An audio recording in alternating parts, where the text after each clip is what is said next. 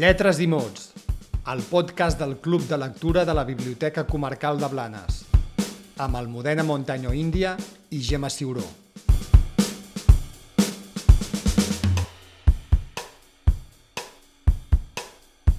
Molt bon dia. Comencem la nova temporada del programa Lletres i Mots, el podcast del Club de Lectura de la Biblioteca Comarcal de Blanes, coordinat per la seva directora, Gemma Ciuró. Gemma, bon dia, què tal? Bon dia, molt bé. Encantada d'estar aquí una altra vegada amb tu, parlant de llibres. Perfecte, el que més ens agrada, no? En aquesta segona temporada parlarem d'uns autors molt especials Gemma, al final del programa, si et sembla, comentarem els diferents autors que has programat per aquesta segona temporada de Lletres i Mots, però abans eh, descobrim quina és l'autora de la qual parlarem avui, que és la Toni Morrison, una escriptora afroamericana guardonada amb el Premi Nobel de Literatura l'any 1993. Ella va néixer l'any 1931 a Ohio, als Estats Units, en una família mm, força pobra i va morir l'any 2019 al barri del Bronx de Nova York als 88 anys. El seu nom real és Chloe Anthony Wofford, però va adoptar el nom de Toni Morrison a partir d'un sobrenom familiar i també del cognom del seu marit Harold Morrison, amb el qual va estar casada durant sis anys. Es va graduar en Filologia Anglesa i va ser professora d'anglès a la Universitat de Texas Howard i a la Universitat Estatal de Nova York. Va treballar com a editora literària a l'editorial Random House de Nova York. També va ser professora d'Humanitats a la Universitat de Princeton i membre de l'Acadèmia Americana de les Arts i les Lletres, així com del Consell Nacional de les Arts. Sempre ha estat compromesa amb els drets civils i la lluita en contra de la discriminació ètnica. déu nhi què més podem dir, Gemma, de la Toni Morrison? Doncs que és una gran escriptora, que escriu molt bé i que ens ha fet passar molt, bon, molt bona estona. Jo només apuntaria una cosa que em va fer molta gràcia, perquè el seu nom mm, real és, uh, tal com tu has dit, Chloe Ardelia Wofford. I ella es diu Toni perquè va fer una, una conversió al catolicisme quan tenia 12 anys i va adoptar el nom de baptisme d'Anthony en honor a Antoni de Pàdua. I bueno, és una cosa que em va fer, molta, em va fer gràcia. Vaig pensar, mira, saps per què? Eh, quan vaig sentir parlar per primera vegada de Toni Morrison, jo pensava que era un senyor, saps? O sigui, tota l'estona, fins que bueno, doncs vaig descobrir no, que era una escriptora, que era una Premi Nobel i que és una gran escriptora, sí, sí. Doncs parlem de les seves obres. Toni Morrison ha escrit 11 novel·les i 7 obres d'assaig. A les seves obres doncs, parla de la vida dels afroamericans i sobretot el de les dones negres enaltint aquesta comunitat. El primer llibre que va escriure va ser l'any 1973, The Blue Eyes, Ulls blaus, en què narra la història d'una nena negra que vol tenir els ulls de color de les nines de les nenes blanques. Llavors, el 1987, va publicar la seva cinquena novel·la, que és aquesta que parlarem, Beloved, el llibre que tractarem avui.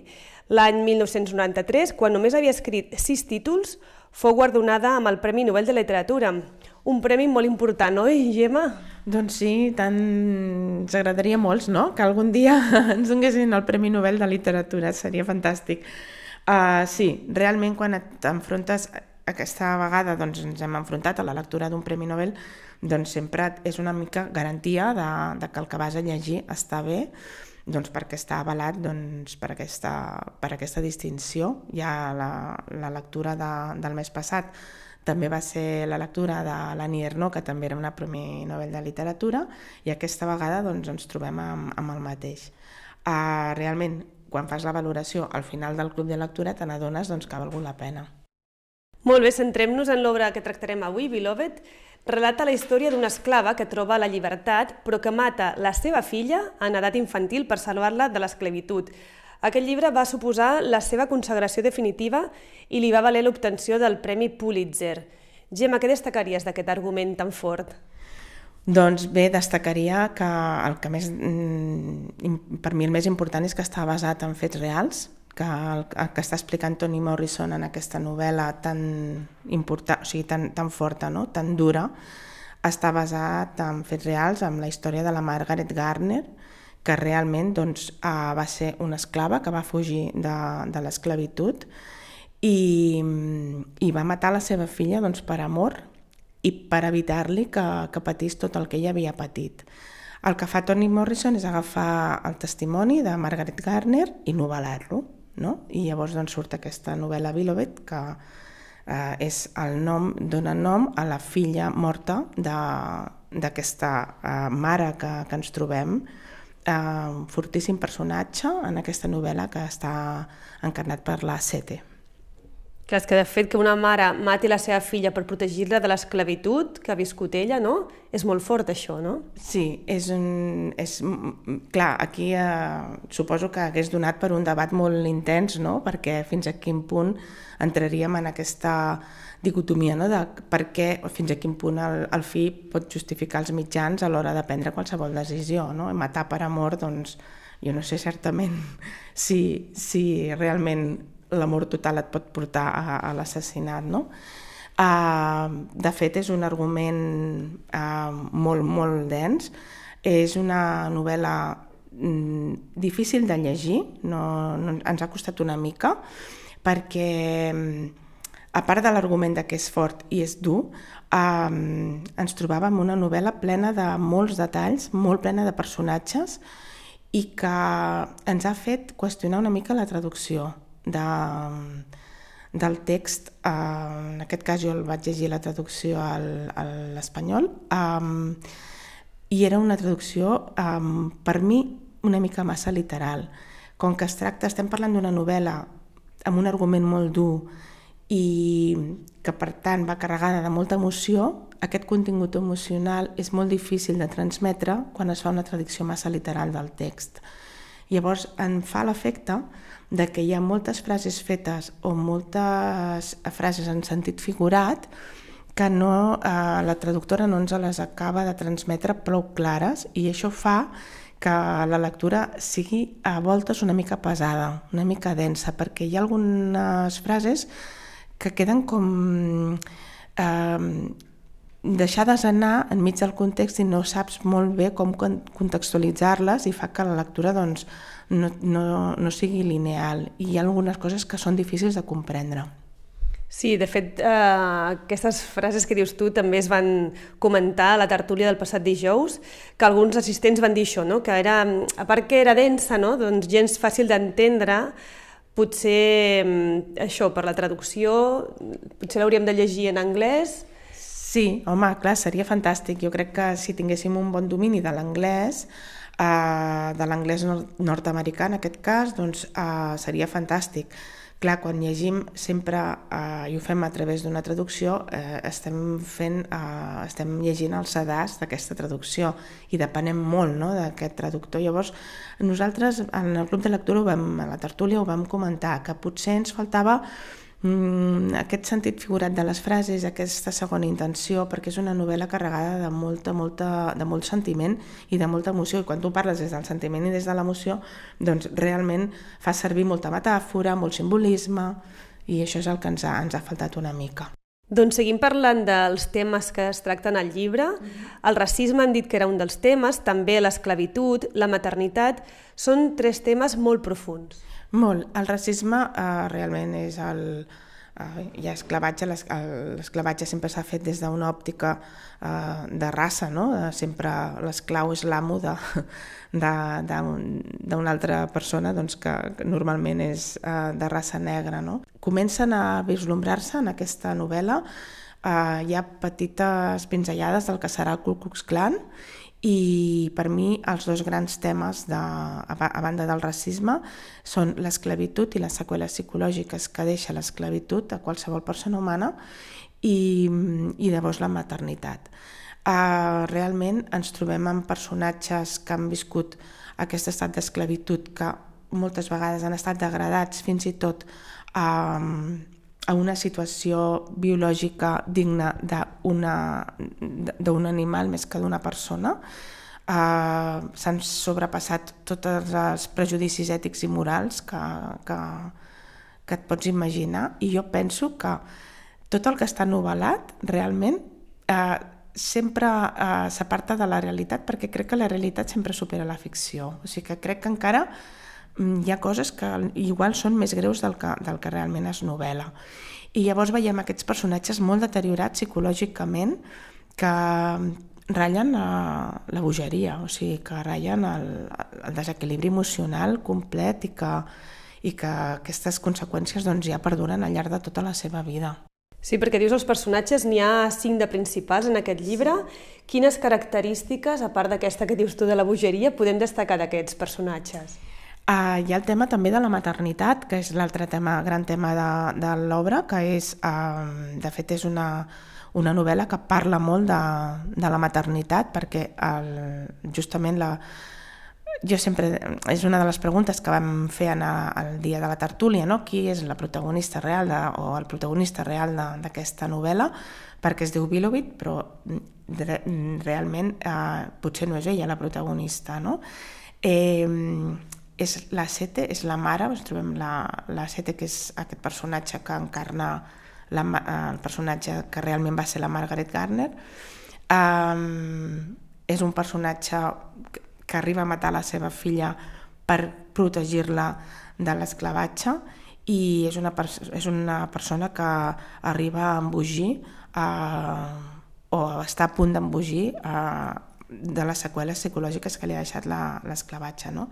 Després hi ha la Baby Sachs, que és l'àvia de, de, de la Denver, que és l'altra la, filla no? de, la, de la Sete, Eh, la Baby Sachs és un personatge simpàtic que ens ajuda a...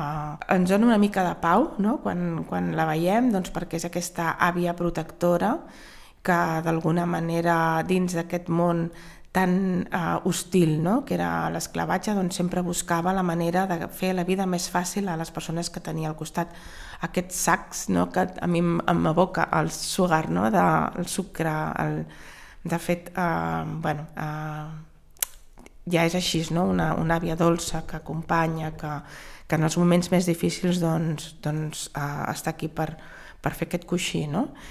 I després hi ha um, la Denver, que és la, la filla, que d'alguna manera um, també jo vaig comentar que era un personatge que va sortint al llarg de la novel·la i que és un personatge amable i potser és l'únic personatge lúcid que, que hi ha a la novel·la, um, és aquesta filla que no abandona mai a la seva mare, que um, fins i tot al final, quan la mare ja ha caigut a la tremenda bogeria i ella doncs, se n'ha pogut sortir perquè ha aconseguit trobar una feina digna, doncs um, cada dia va veure la mare, o sigui, mai perd aquest vincle i um, és un personatge molt amable.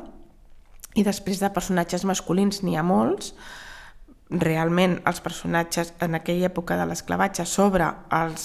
Eh, hi havia un component masclista que també es deixa entreveure en la, a la novel·la, que és el personatge de Paul D, que al final doncs, també fa eh, una mica, agafa aquest paper de pare, no? de pare protector, amb la, amb la Denver i que també doncs, d'alguna manera al final de la novel·la doncs, eh, es revela una mica el seu d'on ve i, i el per què no? de la seva existència.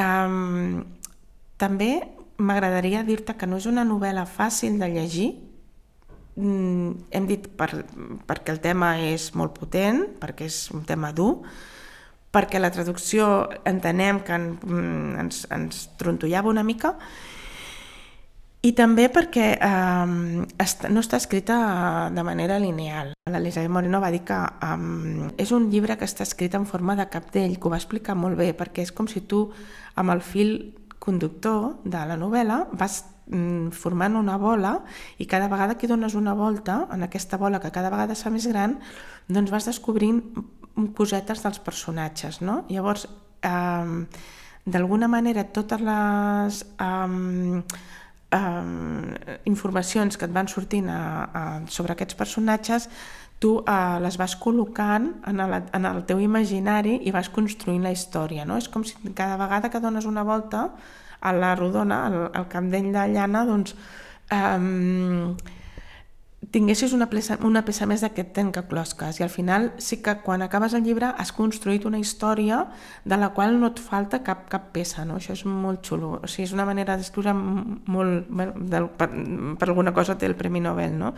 Clar, és difícil d'escriure i també d'entendre no? que no és lineal, però potser aquí està no? la, la, la importància, no? Eh, sí. El reconeixement a una obra ben, ben construïda. Ben construïda, o sigui, no és fàcil, hauria sigut molt fàcil explicar doncs, la història d'aquesta senyora d'una manera lineal, però fixa't bé que, per exemple, en Paul D, que és un dels personatges principals, fins al final, jo crec que són les tres últimes pàgines del llibre, que la Toni Morrison ens dona pistes de qui era aquest senyor, què li va passar quan era petit, per què és com és, per què fa el que fa, llavors uh, per què té la importància que té dins del llibre, i, i això ho fa amb tots els personatges, eh? o sigui que mica en mica et va desvetllant cosetes i doncs, bueno, vas construint aquesta, aquesta gran obra de, que, que és al final doncs, a Belovit.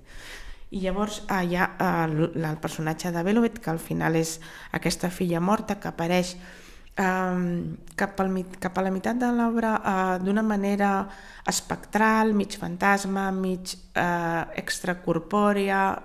Estem parlant d'una obra que està catalogada dins del realisme màgic i llavors aquest component d'aquest personatge que no se sap ben bé si és físic o no, si és una, és una imatge o és a carniós, a vegades eh, pots entendre que és el fantasma de la Belovit que ve a reconciliar-se amb la seva mare per donar-li les gràcies per haver-la matat, per evitar-li el, el, el patiment que, que hagués suposat l'esclavitud, però d'altra banda també deixa un final obert perquè eh, durant la trama hi ha una nena que desapareix, com moltes suposo que, que desapareixien no? en, aquests, en aquests anar i venir de compra de persones, eh, i podria ser que aquesta Vilobet no fos realment la filla de la Sete, sinó que fos doncs, una nena que bueno, va perdre els pares i que doncs, va trobar una mare eh, que l'acollia. No?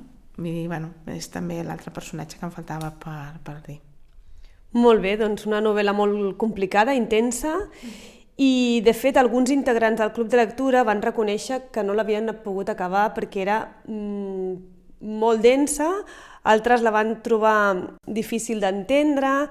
Tot i això, tu recomanaries aquest llibre?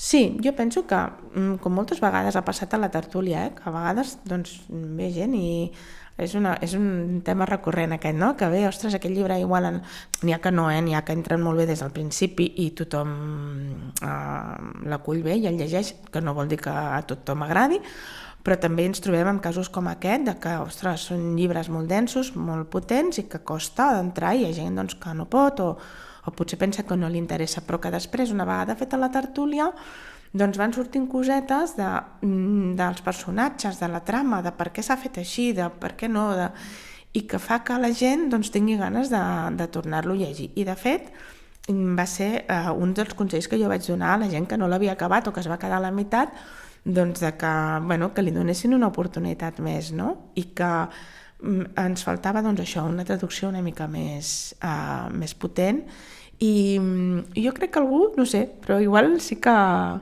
que es posa a, a rellegir-lo, sí, sí. Molt bé, doncs recomanat està aquest llibre. Lletres i mots, on compartim el plaer per la lectura. Doncs la propera lectura del Club de Lectura Dijous de Lletres i Mots és Estudi en Lila, de la Maria Antònia Oliver, que es comentarà el primer dijous del mes de febrer personalment a la Biblioteca Comarcal de Blanes i el segon dijous de febrer al podcast Lletres i Mots. Gemma, canviarem totalment de gènere i d'estil, no?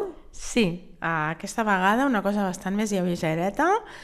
Fem aquest Estudi en Lila de la Maria Antònia Oliver, que bé, també és un llibre de, de personatges femenins, de protagonistes femenins i llavors um, és una, aquesta investigadora detectiu i, i a, veure, a veure què tal. Jo crec que la gent l'ha acollit amb moltes ganes perquè és com d'entrada més curt no? que, que Vilovet i ens queda molt més a prop també doncs, uh, bé, aquests, aquestes oscil·lacions de, de lectures diferents, d'intensitats diferents, de, de llocs, o sigui, de contextualitzacions de diferents temps, de diferents llocs, també van bé, no? Perquè d'alguna manera, doncs, tothom té el seu...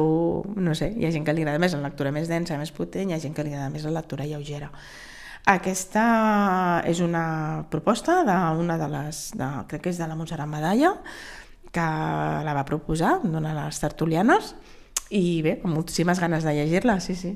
Molt bé, jo també la tinc preparada, a veure si la llegim ràpid per comentar-la el proper mes. I llavors, com dèiem, aquesta Estudient Lila serà la propera lectura del febrer, però si vols avancem totes les de l'any sí. perquè els oients puguin preparar-les i aviam, començarem per... Hem fet ja el Beloved al gener, al febrer farem aquest Estudient Lila, al març què tenim? Al març tenim Hamlet, que estem... O sigui, jo crec que tots els clubs de lectura ens hem posat d'acord perquè ens està costant un, un, molt, moltíssim, uh, molts esforços a trobar exemplars perquè bé, és uh, Hamlet de la Maggie O'Farrell, que ja és un llibre que fa temps que està publicat, però que, bueno, que té moltíssim èxit, també és una història molt dura i, i no deixarà ningú indiferent. Val? Jo crec que ja tocava fer-lo també i, i l'hem posat al mes de març. Ja et dic, sembla que tothom ens haguem posat d'acord perquè tothom fa aquest club de lectura al mes de març. Per l'abril què tenim? Ah, a l'abril tenim uh, Celebró, de Jordi Soliguer.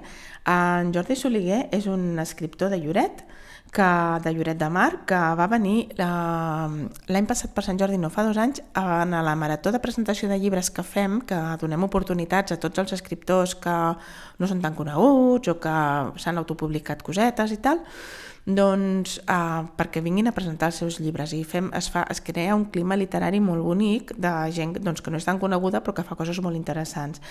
I em va agradar molt el tema Celebró perquè, mm, a banda de que és un tema que ens queda molt a prop, és, um, és la història dels indians, però des del punt de vista femení.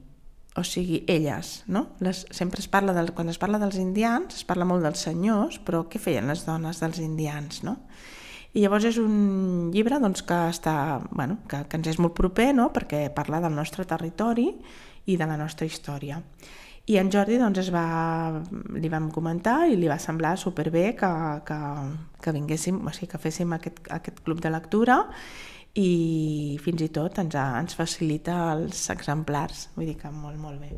Molt bé, i al maig una cosa ben diferent. Sí, al maig, eh, com sempre, anirem al Liceu, eh, perquè tenim el projecte Liceu VIP, que és aquest, aquesta, aquest projecte en conjunt entre el Departament de Cultura i Biblioteca, el Servei de Biblioteques de la Generalitat de Catalunya i eh, el Liceu, eh, que eh, obre les seves portes als eh, públics que pertanyen a clubs de lectura o tertúlies literàries. Llavors aquest any nosaltres anirem a veure la Ventafocs al Liceu i uh, havia pensat que seria bonic uh, agafar uh, la Ventafocs de Pierrol i altres versions de la Ventafocs i fer com una mena de dossier per um, una mica parlar dels clàssics, de com estan tractats els clàssics, de com és el, el boca-orella quan un clàssic esdevé un conte tradicional, eh, què vol dir un conte tradicional, què vol dir un conte clàssic, eh, bueno, què és un conte popular, totes aquestes coses doncs, al voltant de la, de la venta Fox. Molt bé, i al juny tenim un llibre d'una contertuliana. Sí, al juny tenim el llibre de l'Esquerda, que justament eh, l'esperem amb candeletes perquè vindrà eh, l'Elisabet Moreno a participar de la tertúlia, però no com a tertuliana, sinó com a autora. I ens fa moltíssima il·lusió. L'hem posat al juny perquè el juny fem la Setmana del Mar. Aquest, eh, aquesta tertúlia estarà dins de la Setmana del Mar i l'esquerda, eh, per, per tothom que l'ha llegit i el que no l'ha llegit doncs ja està tardant a llegir-la perquè és un llibre molt xulo, doncs eh, és eh, un llibre que parla de mar. Molt bé, el juliol és aniversari de la tertúlia. Sí, el juliol és l'aniversari de la tertúlia. Al juliol no comentarem res, però sí que um, farem una festa, com sempre, una festa d'aniversari, i aquesta vegada uh, la festa anirà relacionada amb la lectura que farem a l'agost uh, que serà l'irradiador del Port i les Gavines de Joan Salvat Papaseit, perquè és, aquest any és efemèride, i llavors doncs, farem algun espectacle, activitat per adults al voltant de la figura d'en de, Joan Salvat Papaseit.